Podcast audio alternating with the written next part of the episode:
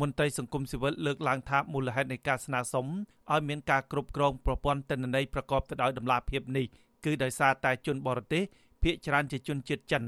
បានប្រព្រឹត្តបទល្មើសច្រើនជាងគេតាមប្រព័ន្ធបច្ចេកវិទ្យាអ៊ីនធឺណិតដោយយកប្រទេសកម្ពុជាធ្វើជាមូលដ្ឋានក្នុងការប្រព្រឹត្តបទល្មើស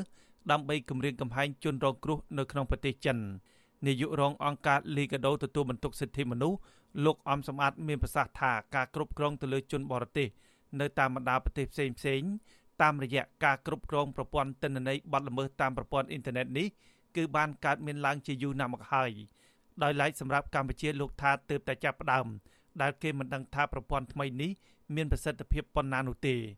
តែទោះជាយ៉ាងណាលោកអំសំអាតស្នើសុំឲ្យការគ្រប់គ្រងប្រព័ន្ធទិន្នន័យនេះប្រកបទៅដោយតម្លាភាព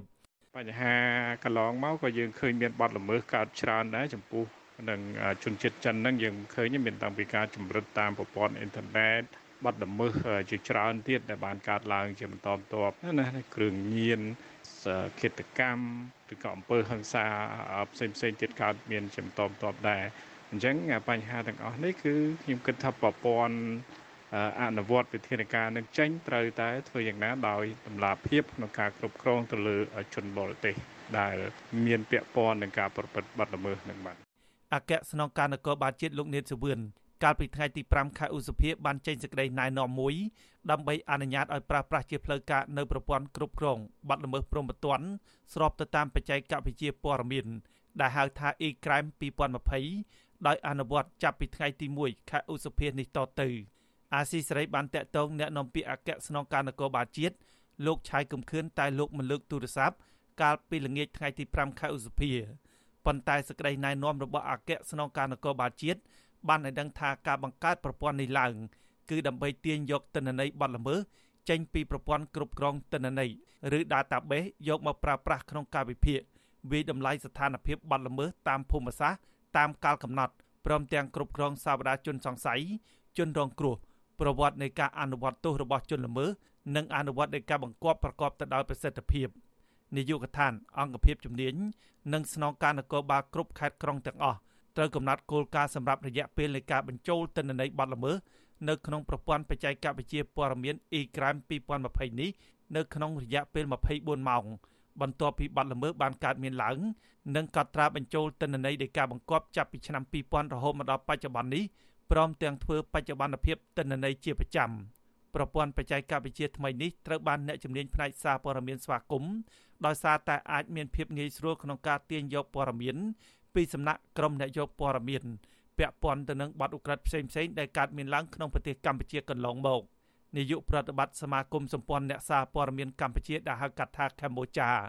លោកណប់វីមានប្រសាសន៍ថាកន្លងមកអ្នកសារព័ត៌មានមិនដែលទទួលបានព័ត៌មានពីការគ្រប់គ្រងទិន្នន័យឧក្រិដ្ឋកម្មតាមប្រព័ន្ធបច្ចេកវិទ្យាថ្មីនេះទេ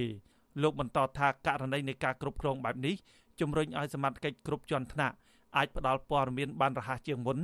ហើយអាចបង្កឲ្យមានផលកាន់តែល្អប្រសើរក្នុងការតាក់ទងក្នុងការផ្ដល់ព័ត៌មានពីអ ுக ្រិតជនផ្សេងៗតាមប្រព័ន្ធថ្មីនេះ តាក់ទងសមត្ថកិច្ចប្រហែលជាវាមានរបៀបឬក៏បច្ចេកទេសឬមួយក៏វាមានផលប្រយោជន៍ច្រើនជាងអាហ្នឹងវាផ្ទុយពីអ្វីដែលជាការរំពឹងទុកខាងអ្នកសារព័ត៌មានយើងពូកន្លងមកឲ្យមែនទែនទៅយើងមានការពិបាកនៅក្នុងការទទួលបានព័ត៌មានពីខាង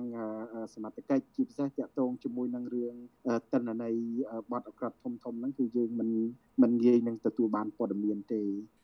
យ៉ាងណាគេនៅមិនទាន់ដឹងនៅឡើយទេថាតើសមត្ថកិច្ច អនុញ្ញាតឲ្យពលរដ្ឋទូទៅអ្នកកសែតអង្គការសង្គមស៊ីវិលអាចចូលទៅឆែកព័ត៌មាននៅក្នុងប្រព័ន្ធគ្រប់គ្រងប័ណ្ណល្មើសព្រហ្មទណ្ឌស្របតាមបច្ចេកវិទ្យាព័ត៌មានថ្មីឬហៅថា e-crime ឆ្នាំ2020នេះដែរឬយ៉ាងណានោះទេរបាយការណ៍ស្ដីពីលទ្ធផលការងារប្រចាំឆុងមេទី1ឆ្នាំ2020របស់អគ្គនាយកដ្ឋានអន្តរប្រវេសក្រសួងមហាផ្ទៃ បានបញ្ជាក់ថាចាប់ពីឆ្នាំ2014រហូតដល់ឆ្នាំ2020កន្លងទៅនេះមានជនបរទេសសរុបជិត20000នាក់ក្នុងនោះមានស្ត្រីជិត3000នាក់ស្មើនឹង104សញ្ជាតិត្រូវបានបណ្តេញចេញពីប្រទេសកម្ពុជាក្រោយពីរកឃើញថាពួកគេចូលមកធ្វើការនិងរស់នៅដោយខុសច្បាប់និងបានប្រព្រឹត្តបទល្មើសផ្សេងៗក្នុងប្រទេសកម្ពុជា ក្នុងចំណោមនោះមានជនជាតិចិនបានប្រព្រឹត្តបទល្មើសច្រើនជាងគេ